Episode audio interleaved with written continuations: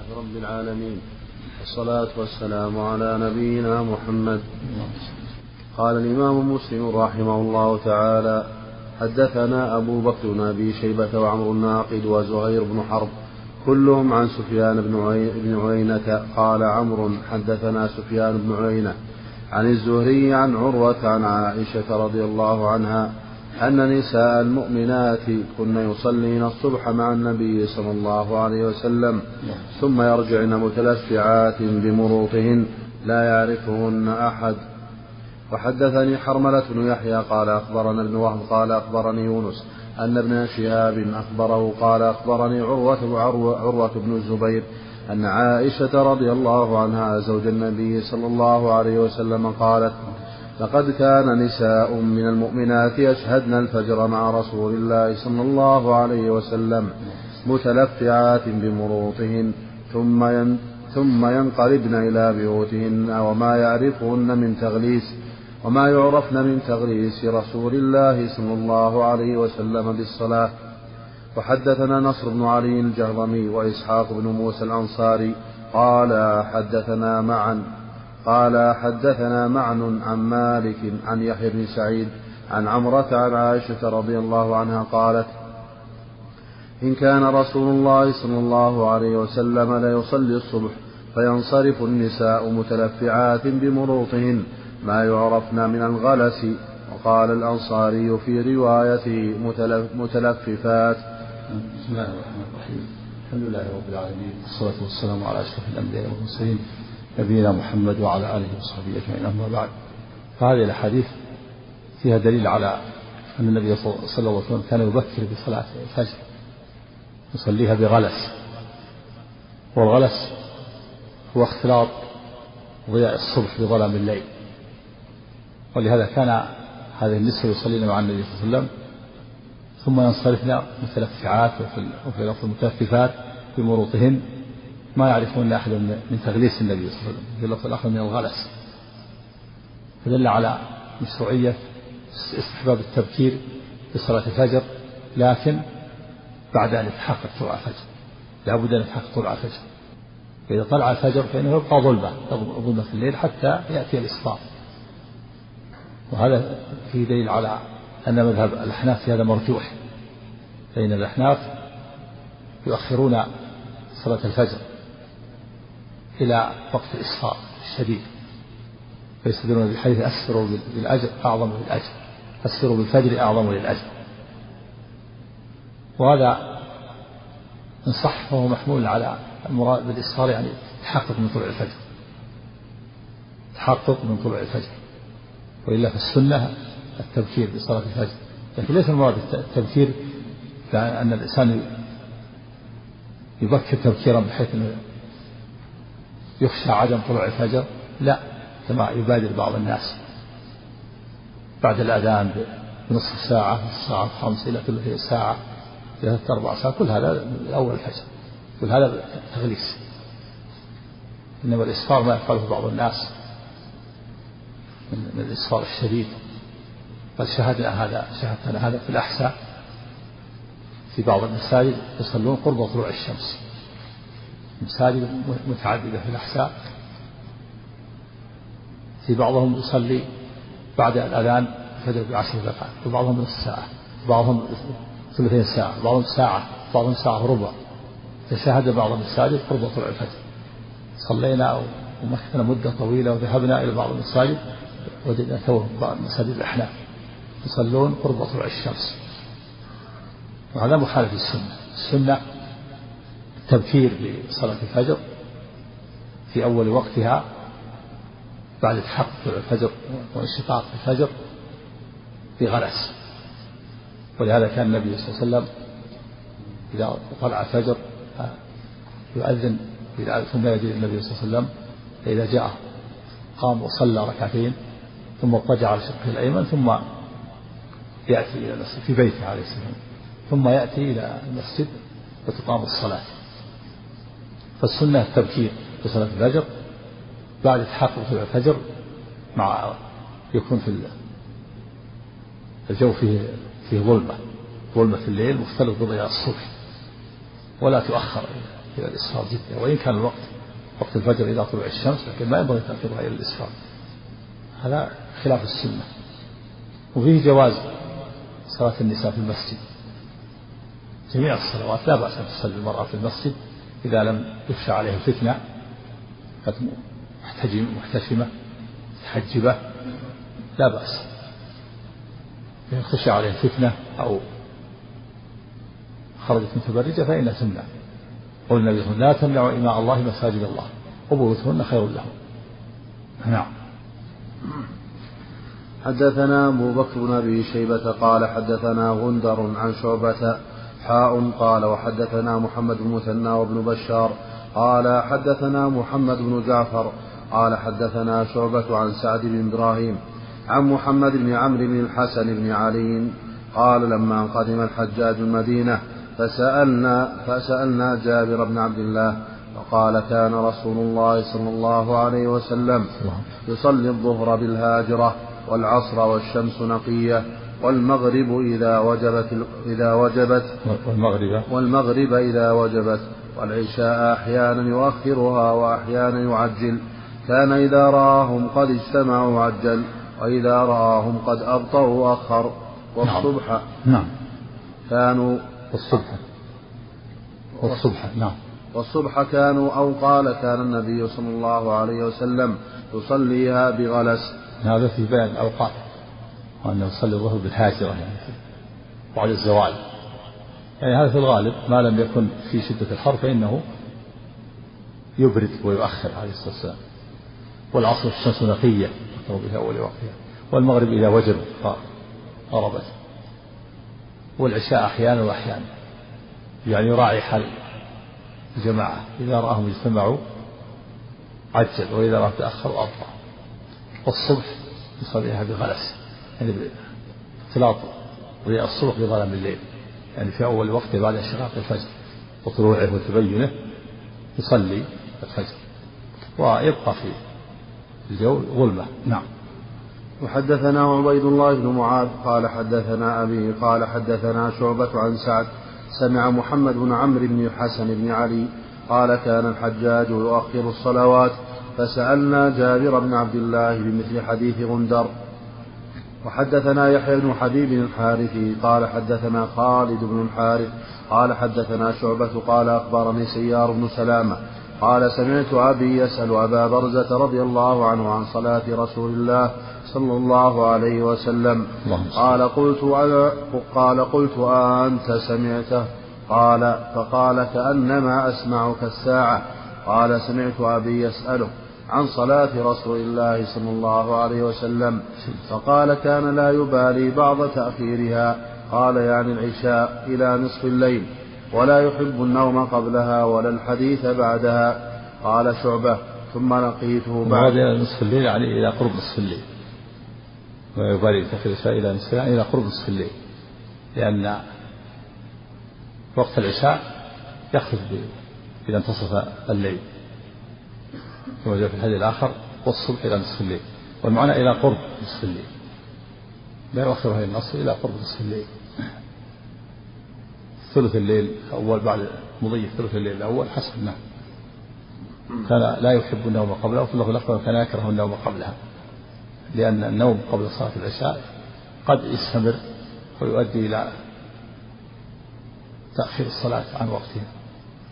والنوم بعدها كذلك. والحديث بعدها أيضا كذلك مكروه والمراد بالكراهة كراهة التنزيل. لأنه يؤدي إلى التأخر عن صلاة الفجر والنوم مبكر قد يؤدي إلى تضيع ورده من الليل إذا كان له ورد. نعم. ولا قال يعني العشاء إلى نصف الليل ولا يحب النوم قبلها ولا الحديث بعدها. قال شعبة ثم لقيته بعد. فسألته فقال وكان يصلي الظهر حين تزول الشمس والعصر يذهب الرجل إلى أقصى المدينة والشمس حية. قال والمغرب لا أدري أي حين أي حين ذكر. قال ثم لقيته بعد.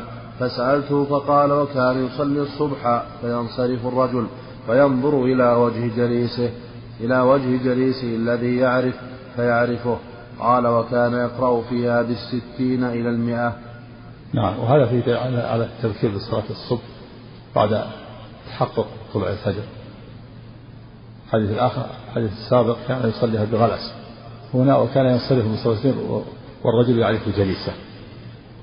يعني إذا صلى انتهت الصلاة يعرف من بجواره يراه. وهذا إذا لم يكن فيه لأنه لم يكن عندهم أنوار. المساجد ما في أنوار. ما كان فيها أنوار. كانوا يصلون ما, عندهم أنوار ولا عندهم كهرباء. يصلون في الظلام. ولهذا كذلك العشاء. ولهذا قال النبي صلى الله عليه وسلم في الحديث أكثر الصلاة على المنافقين صلاة العشاء وصلاة الفجر. لأن الناس لا يرونهم في الظلام. تدخل عليهم الصلاة لأنه ليس عندهم إيمان. بخلاف الظهر والعصر والمغرب فيه نور. هم يصلون تقية أما العشاء والفجر تكون ثقيلة عليه لأن ما في أنوار. مو مثل الآن في أنوار وكان فكانوا يصلونها الفجر ليس عندهم أنوار وإذا صلى عرف الرجل جليسه يعرف من بجواره يراه يشاهده يعني طلع النور الإصفار حتى يعرف من بجواره. وكان يقرأ الفجر إلى المئة. من ستين من ستين آية إلى مئة آية. إما في الركعتين أو في الركعة الواحدة. في الركعة الستين والركعتين الستين أو في الركعتين الستين من ستين إلى مئة يعني في الركعة الواحدة ثلاثين آية أو خمسين آية. نعم. حدثنا عبيد الله بن معاذ قال حدثني أبي قال حدثنا شعبة عن سيار بن سلامة قال سمعت أبا برزة رضي الله عنه يقول كان رسول الله صلى الله عليه وسلم لا يبالي بعض تأخير صلاة العشاء إلى نصف الليل. وكان لا يحب النوم قبلها ولا الحديث بعدها. قال شعبة ثم لقيته مرة أخرى فقال أو ثلث الليل. نعم. وقوله أو ثلث الليل هذا يؤيد أنه قبل نصف الليل. قبل نصف الليل لأن نصف الليل هو الحد ونهاية صلاة العشاء في الاختيار. نعم. وحدثنا أبو كريب. قال حدثنا سويد بن عمرو الكلبي عن حماد بن سلمة عن سيار بن سلامة أبي المنهال. قال سمعت أبا برزة الأسلمي رضي الله عنه يقول كان رسول الله صلى الله عليه وسلم يؤخر العشاء إلى ثلث الليل ويكره النوم قبلها والحديث بعدها. نعم وهذا الكراهة كراهة التنزيل يكره النوم قبلها لأنه قد يؤدي إلى تأخير صلاة العشاء وتضييعها والحديث بعدها يؤدي إلى السهر. الذي قد يخل بصلاة الفجر وقد يؤخرها وقد يضيع ورده. يستثنى من هذا الحديث مع الضيف والسمر مع الأهل والسمر في مصالح المسلمين وفي طلب العلم إذا لم يؤدي إلى تأخير صلاة الفجر. جاء ما يدل على أنه كان يسفر مع أهله ويسفر مع ضيفه وكذلك السمر في مصالح المسلمين. رجال الأمن ورجال الحسبة والهيئات. كذلك مجالس العلم إذا لم تؤدي إلى تأخير الكثير. هذا مستثنى. وإلا فالمجالس مكروهة بعد العشاء. هذا إذا لم يكن فيها محذور. أما إذا كان فيها محظور فهي محرمة. إذا كان مجالس غيبة نميمة مجالس شرب دخان أو خمور أو سماع غنى أو نظر إلى أفلام خبيثة أو سماع أشرطة سيئة هذه محرمة في كل وقت بعد العشاء وفي النهار وفي الليل وفي كل وقت. لكن إذا لم يكن فيها محذور إذا كانت مجالس ما فيها محذور. حديث حديث مباح. مجالس مكروهة. ما فيها غيبة ولا ميمة ولا كذا لكنه يتحدث الناس حديث عادي مكروه لأنها قد تؤدي إلى لأنها قد تؤدي إلى تضييع صلاة الفجر تضييع الإنسان وردة من الليل. نعم. وكان يقرأ في صلاة الفجر من المئة إلى الستين وكان ينصرف وكان ينصرف حين يعرف بعضنا وجه بعض. نعم. كأنه على على على ما يستثنى من السمر بعد العشاء. سلم أحسن إليك قال أما ما فيه مصلحة وخير فلا كراهة فيه وذلك كمدارسة العلم وحكايات الصالحين ومحادثة الضيف والعروس والعروس للتأنيس ومحادثة ومحادثة الرجل أهل أهله وأولاده للملاطفة للملاطفة والحاجة ومحادثة المسافرين بحفظ متاعهم أو أنفسهم والحديث في الإصلاح بين الناس والشفاعة إليهم في خير في خير والأمر بالمعروف والنهي عن المنكر والإرشاد إلى مصلحة ونحو ذلك وكل هذا لا كراهة فيه. وقد جاءت أحاديث صحيحة ببعضه والباقي في معناه. نعم هذا كله مستثنى الأدلة. نعم. حدثنا خلف بن هشام قال حدثنا حماد بن زيد حاء قال وحدثني أبو الربيع الزهراني وأبو كامل الجحدري قال حدثنا حماد عن أبي عمران الجهني عن عبد الله بن الصامت عن أبي ذر رضي الله عنه قال قال لي رسول الله صلى الله عليه وسلم كيف أنت إذا كانت عليك أمراء يؤخرون الصلاة عن وقتها أو يميتون الصلاة عن وقتها؟ قال قلت فما تأمرني؟ قال صل الصلاة لوقتها فإن أدركتها معهم فصل فإنها لك نافلة ولم يذكر خلف عن وقتها. نعم. حدثنا يحيى بن يحيى قال أخبرنا جعفر بن سليمان عن أبي عمران الجوني عن عبد الله بن الصامت بن الصامت عن أبي ذر رضي الله عنه قال قال لي رسول الله صلى الله عليه وسلم يا أبا ذر إنه سيكون بعدي أمراء يميتون الصلاة فصل الصلاة لوقتها فإن صليت لوقتها كانت لك نافلة وإلا كنت قد أحرزت صلاتك.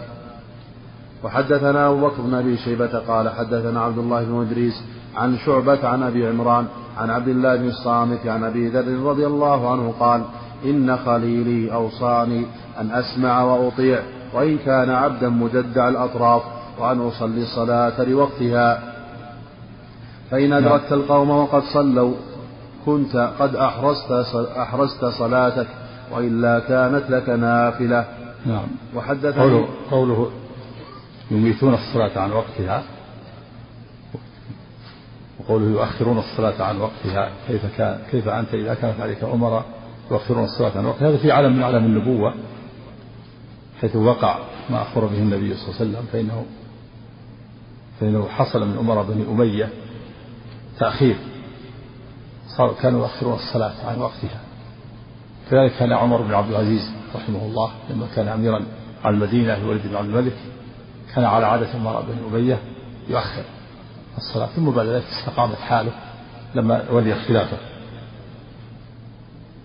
وصار يصلي الصلاة في وقتها. وقوله يؤخرون الصلاة عن وقتها أو يميتون الصلاة عن وقتها يحتمل أمرين.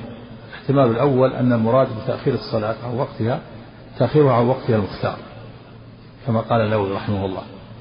ومعنى يميتون الصلاة يميتون الصلاة عن وقتها يجعلونها يجعلونها كالميت الذي خرجت روحه. لأن تأخيرها عن وقتها المختار وسيلة إلى تركها بالكلية وتكون ويكون القرينة بحمل النصوص وتأويلها على تأخيرها عن وقتها المختار الواقع. فإن الواقع عن الأمراء المتقدمين والمتأخرين إنما هو تأخيرها عن وقتها المختار ولم يؤخرها أحد عن وقتها بالكلية.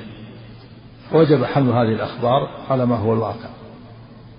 الاحتمال الثاني يحتمل أن المراد بتأخير الصلاة عن وقتها تأخيرها عن وقتها بالكلية حتى وقت الضرورة حتى تغرب ففي العصر مثلا حتى تغرب الشمس وفي الفجر حتى تطلع الشمس وفي الظهر حتى يدخل العصر وفي المغرب حتى تغيب يغيب الشفق.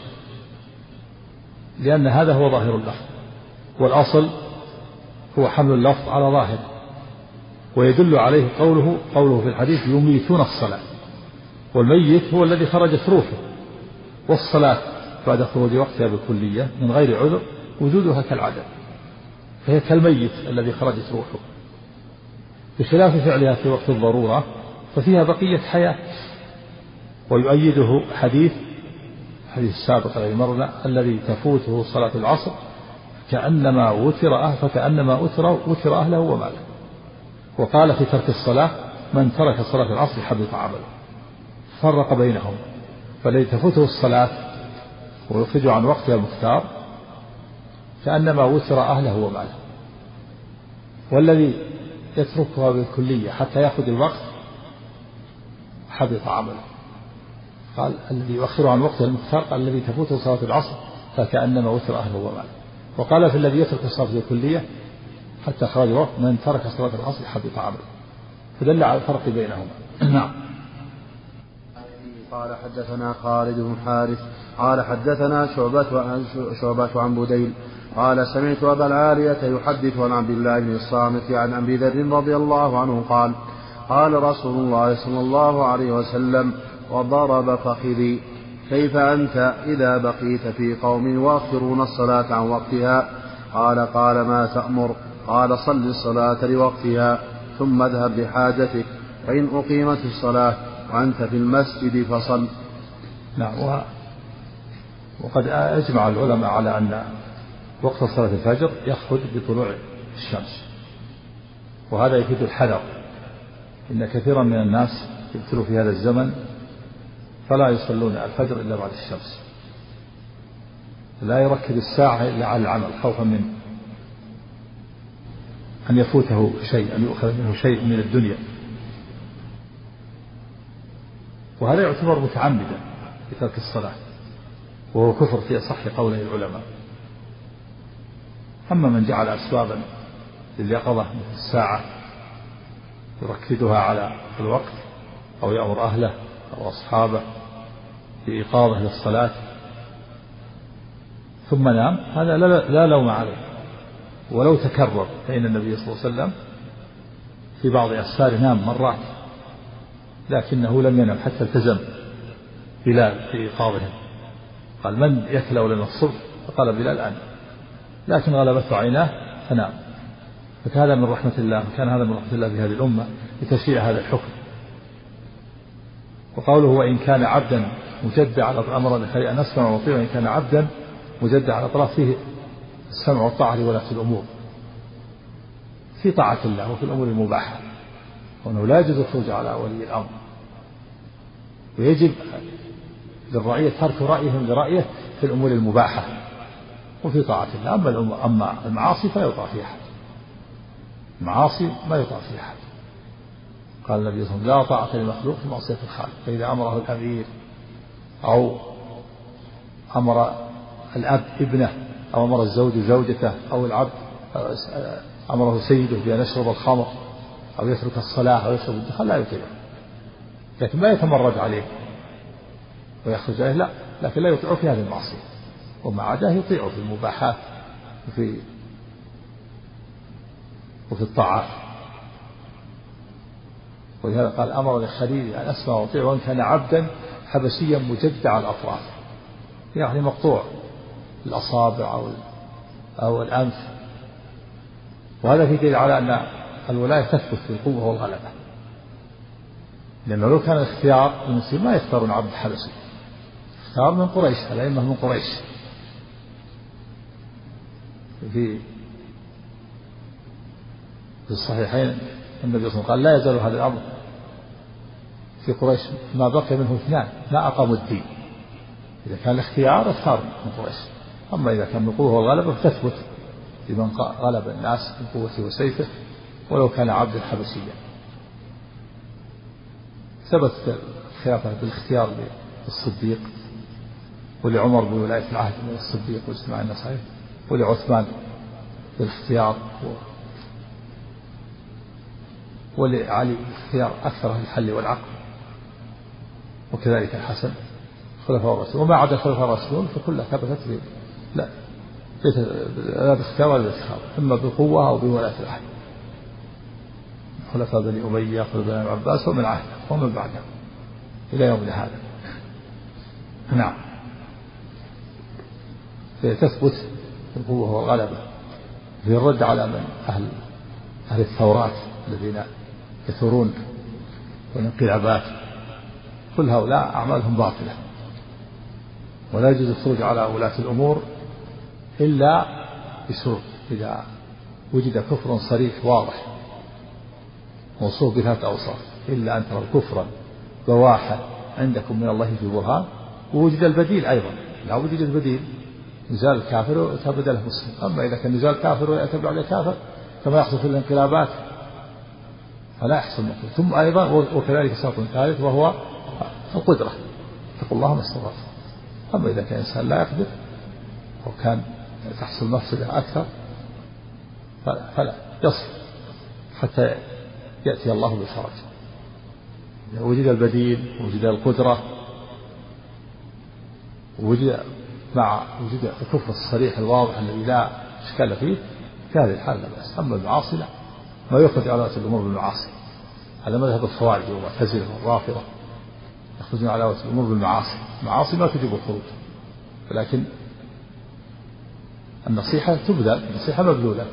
الولاة الأمور من قبل أهل الحل والعقل والعلماء فإن استجابوا فالحمد لله وإن لم يستجيبوا فقد ادوا ما عليه ولا يجوز الخروج. نعم. الخروج يترتب عليه مفاسد فتن. حروب طاحنة واختلال الأمن وإراقة الدماء وتربص الأعداء بهم الدوائر. ودخول الدول الأجنبية والكافرة واختلال الأمن والمعيشة والاقتصاد والتعليم. كل كل شيء اختل الأمور كلها. هذه مفاسد مفاسد عظيمة. أعظم من مفسدة المعصية التي تصل من ولي الأمر الشريعة جاءت في تقليل المفاسد درع المفاسد وتقليلها وجلب المصالح وتكميلها. وليس من المفسدة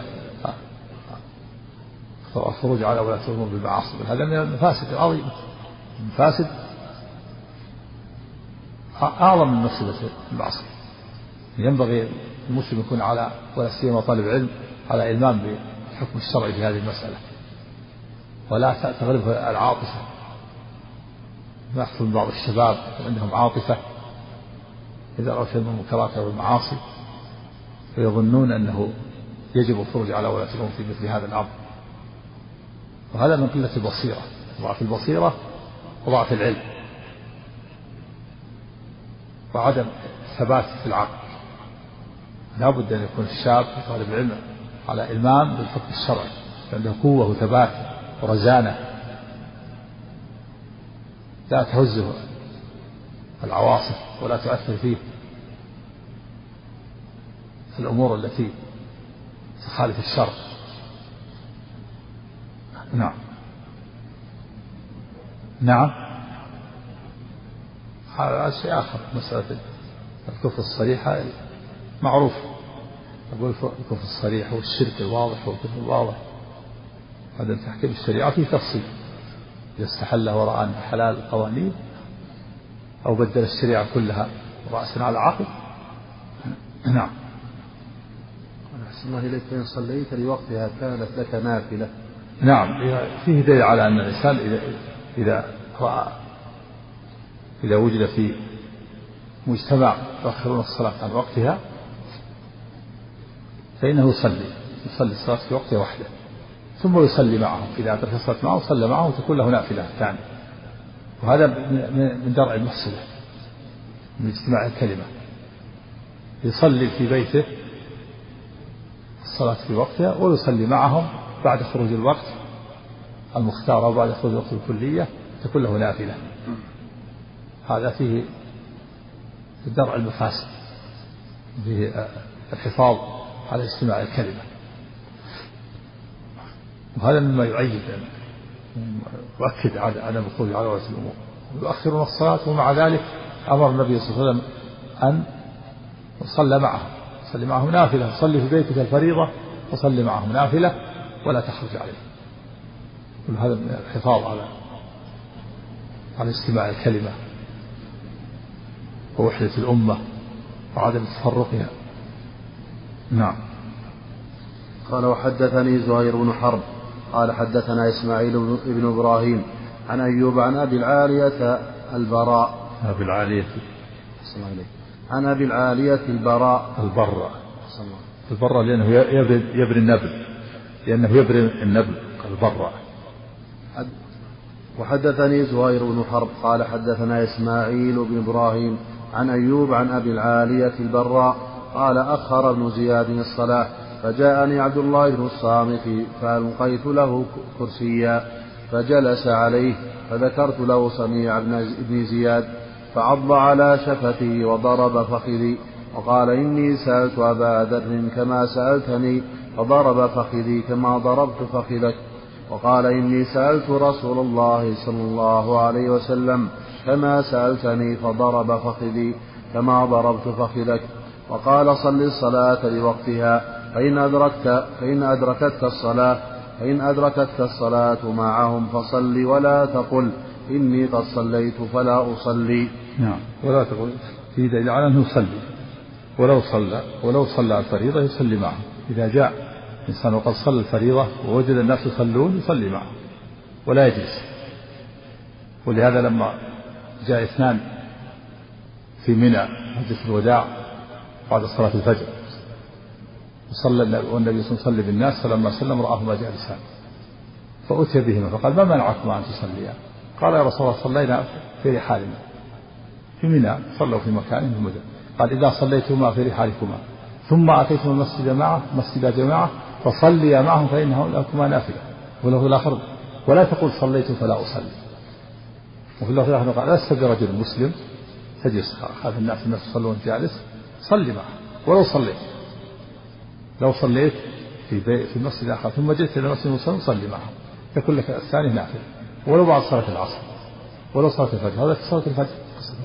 ولو كان وقت نهي مستثنى هذا في حالة الجماعة صليت في المسجد ثم أتيت الناس يصلون تصلي.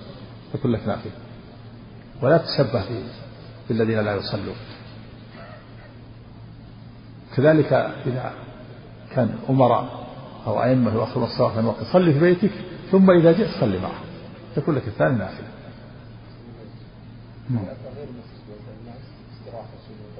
كذا يصلي معهم يصلي معهم إذا جئت الناس يصلوا صلي معهم لا تجلس. يوم في المسجد هذا في منى ما هو مسجد طيب. جاء لسان النبي صلى الله عليه وسلم في منى. إذا جئت الناس يصلون صلي معهم. تعيد الجماعة. مستحب. هذا في الجماعة. ولأن الإنسان قد يتهم. إذا جلس خلف الناس وهم يصلون يتهم. نعم. إيه؟ لا.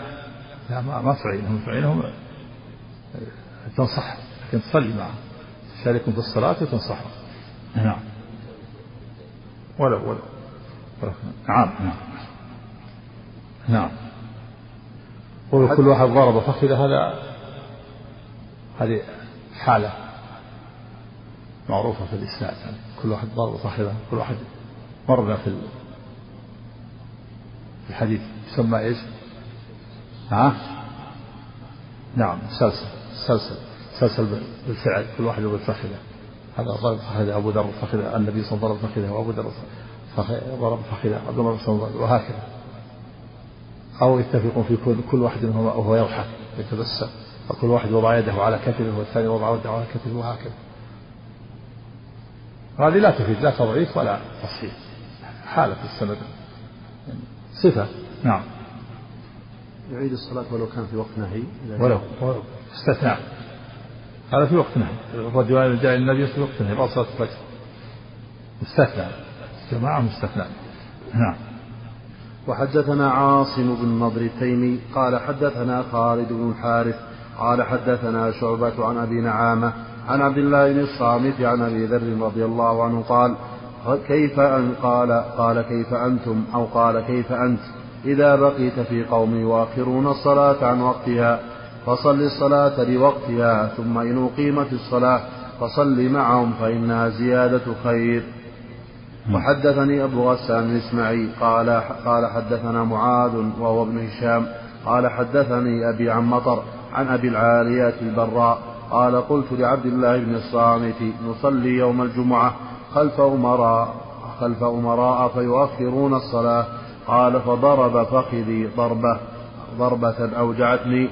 وقال سألت أبا ذر عن ذلك فضرب فخذي وقال سألت رسول الله صلى الله عليه وسلم عن ذلك فقال صلوا الصلاة لوقتها واجعلوا صلاتكم معهم نافلة. قال وقال عبد الله ذكر لي أن نبي الله صلى الله عليه وسلم ضرب فخذ أبي ذر. نعم والجمعة إن وجد من يصلي جمعة صلاها جمعة وإلا صلاها ظهرا. ثم إذا إذا أدركهم يصلونها صلاها معهم نافلة. الجمعة إذا كانوا يؤخرون وجد من يصلي جمعة صلى جمعة وإلا صلاها ظهرا ثم إذا أدركه مصلون ولو بعد الوقت صلى. صلىها معه نافلة. نعم. نعم. سم سم فوز نعم. ها؟ ولاة الولاة. نعم.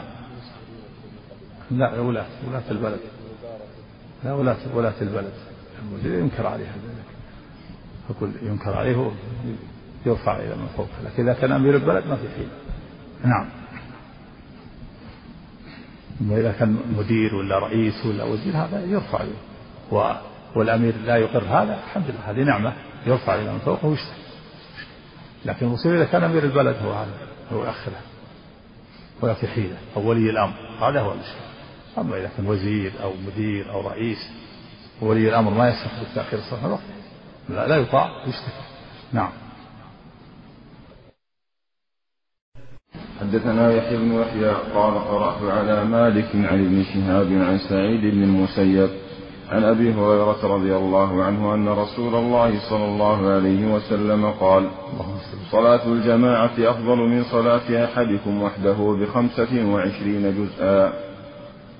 حدثنا أبو بكر بن أبي شيبة قال حدثنا عبد الأعلى عن معمر عن الزهري عن سعيد بن المسيب عن أبي هريرة رضي الله عنه عن النبي صلى الله عليه وسلم قال تفضل صلاة في الجميع على صلاة الرجل وحده خمسا وعشرين درجة. قال وتجتمع ملائكة الليل وملائكة النهار في صلاة الفجر. قال أبو هريرة اقرأوا إن شئتم. وقرآن الفجر إن قرآن الفجر كان مشهودا. والحديث وهذا الحديث دليل على صحة صلاة المنفرد من غير عذر. لأنه قال صلاة الجماعة أفضل من صلاة أحدكم وحده ب 25 جزء دل على أن صلاة المنفرد صحيحة من غير ذر مع الإثم. تصح لكنها تصح ما تكون باطلة. إذا صلى المنفرد وحده صحت صلاته. ولو لم يكن له عذر لكن يأثم ترك الجماعة. لأن الجماعة ليست شرطا في صحة الصلاة. لكنه لا لا يدل على نفي الإثم. وذهب داود الظاهري وابن حزم والشيخ الإسلام ابن تيمية رحمه الله إلى أن الجماعة شرط وأنه إذا صلى منفردا من غير عذر لا تصح الصلاة. ذهب إلى هذا داود الظاهري وابن حزم ورواية عن الإمام أحمد وهو اختيار الشيخ الإسلام ابن تيمية. لكن هذا القول مرجوح. والصواب أنها ليست شرطا وإنما تارك الجماعة من غير عذر يأثم بأدلة كثيرة. منها ما ذكره الإمام مسلم كما سيأتي في حديث الأعمى والنبي لم يرخص له عبد الله بن مكتوم وحديث من ترى من سمع النداء ثم لم يجد فلا صلاة له إلا من عذر. وأمر الله تعالى صلاة الجماعة مع الخوف كل هذا تدل على وجوب الجماعة. وحديث همه بتحريق بيوت المتخلفين عنها. هذه النصوص تدل على أن الجماعة فرض عين. هي فرض عين. والنووي يرى أن الجماعة ليست إنما فرض كفاية. إذا صلى جماعة في المسجد كفى على أهل الحي. لكن هذا قول النووي قول مرجوح. اختيار النووي اختيار ضعيف. والصواب أنها فرض كفاية. الأقوال فيها صلاة الجماعة فيها أقوال. قيل إن صلاة الجماعة شرط صحة الصلاة. فلو صلى منفردا ولو لغير عذر لم تصح صلاته لغير عذر لم تصح صلاته وهذا اختيار شيخ الإسلام ابن تيمية ورواية عن الإمام أحمد. اختيار الظاهرية بن حزم وداود الظاهري. القول الثاني أنها فرض كفاية. وهذا اختيار النووي. ما أدري نسبها لمن هنا هل نسبها إلى الشافعية أو القول الثالث أنها سنة. القول الرابع أنها فرض عين وهذا هو الصواب. هذا هو الصواب والذي تدل عليه النصوص. فرض عين على كل أحد إلا من عذر. إذا وجد عذر من أعذار التي تسقط بها الجماعة كالخائف. على نفسه أو ماله. وكذلك أيضا المطر والمرض. هذا عذر. إذا وجد عذر سقطت وإلا فهي فرض عين. تكون الأقوال أربعة. قيل إنها شرط وهذا أشدها وأقواها. اختار شيخ الإسلام شرط بمعنى أنه لو صلى بغير عذر ما صح والثاني أنها فرض عين هذا هو الصواب. والثالث أنها فرض كفاية. إذا قام إذا صلى في البلد جماعة كفى عن جن هذا مرجوح. القول الرابع أنها سنة. نعم.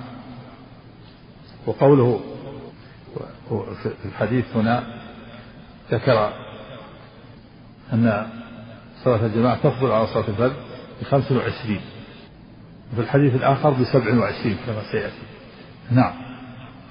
وحدثني أبو بكر بن إسحاق قال حدثنا أبو اليمان قال أخبرنا شعيب عن الزهري قال أخبرني سعيد وأبو سلمة أن أبا هريرة رضي الله عنه قال سمعت النبي صلى الله عليه وسلم يقول بمثل حديث عبد الأعلى عن معمر إلا أنه قال بخمس وعشرين جزءا.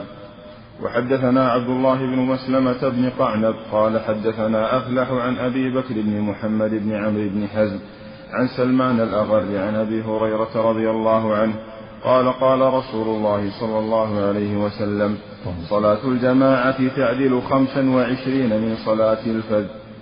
حدثني هارون بن عبد الله ومحمد بن حاتم. قال حدثنا حجاج بن محمد.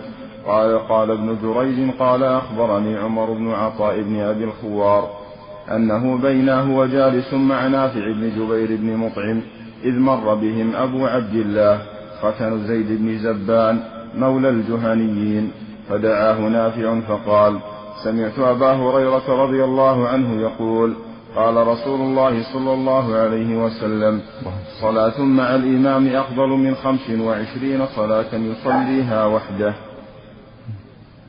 حدثنا يحيى بن يحيى قال قرأت على مالك عن نافع عن ابن عمر رضي الله عنهما أن رسول الله صلى الله عليه وسلم قال صلاة الجماعة أفضل من صلاة الفد بسبع وعشرين درجة. نعم والحديث الأول بخمس وعشرين. والجمع بين الحديثين أن النبي صلى الله عليه وسلم أخبر أولا أن الجماعة أفضل من صلاة الفجر بخمس وعشرين درجة. ثم زاده الله فضلا وخيرا فأخبر أن أنها أفضل من صلاة الفجر بسبع وعشرين درجة. قال بعض العلماء إن المراد بالفرض في قول أفضل من صلاة الفجر أو الفرض هو المعذور. إذا كان معذور في فهذا هو المعذور.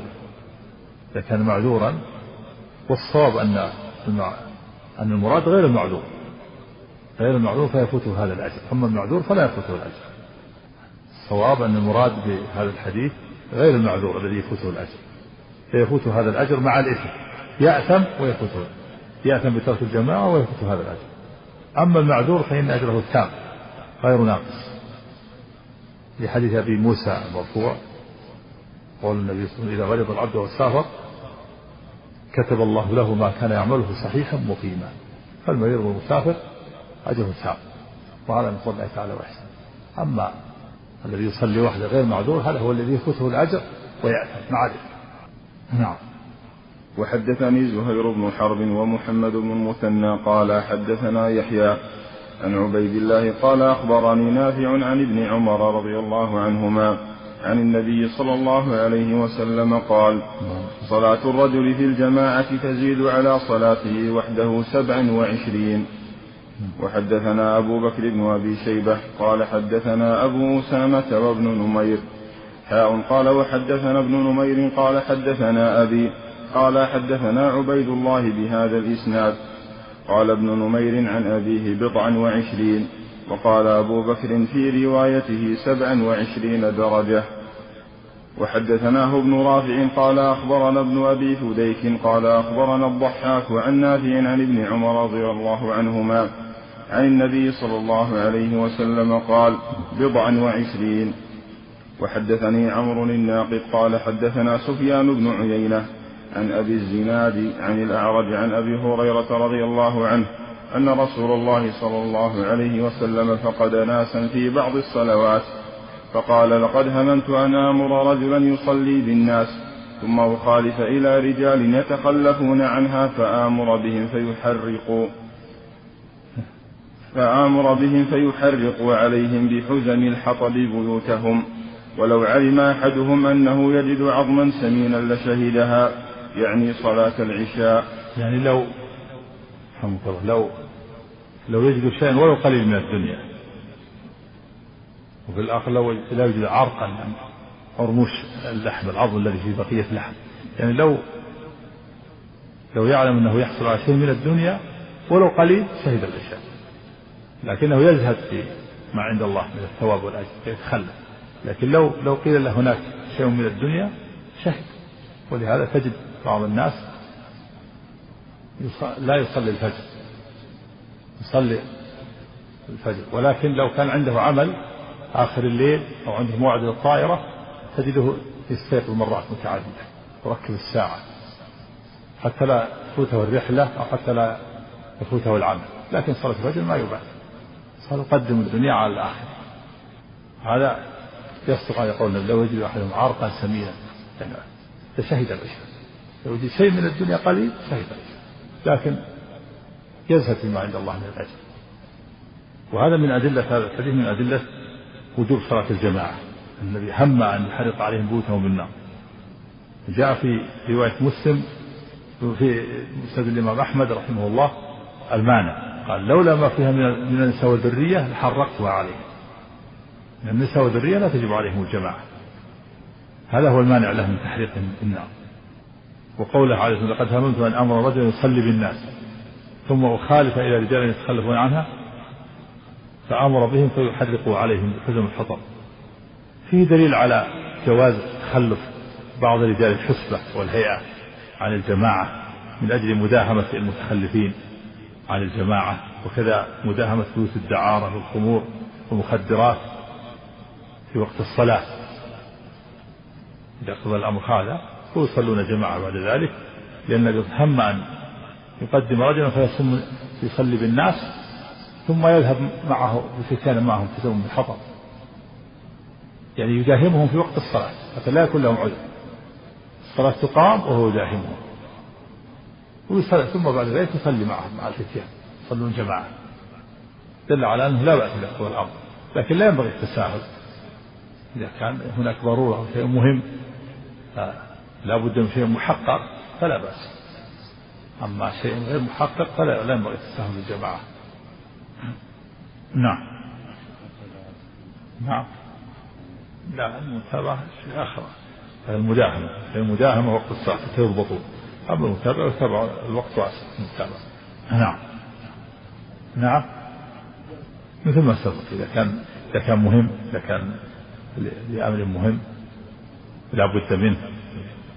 ضبط المجرمين أو كانوا في حال أو كمثلا رجال الأمر مثل إذا حصل حريق لا قدر الله على المسلمين إلا الخير وما أشبه في وقت الصلاة هذا لا بد منه هذا شيء ضرورة يتخلفون في هذه الحالة لأن هذا أهم أهم من كون الخائف الخائف على نفسه عذر له وكذا من خاف على ماله إذا حصل حريق ورجال الإطفاء.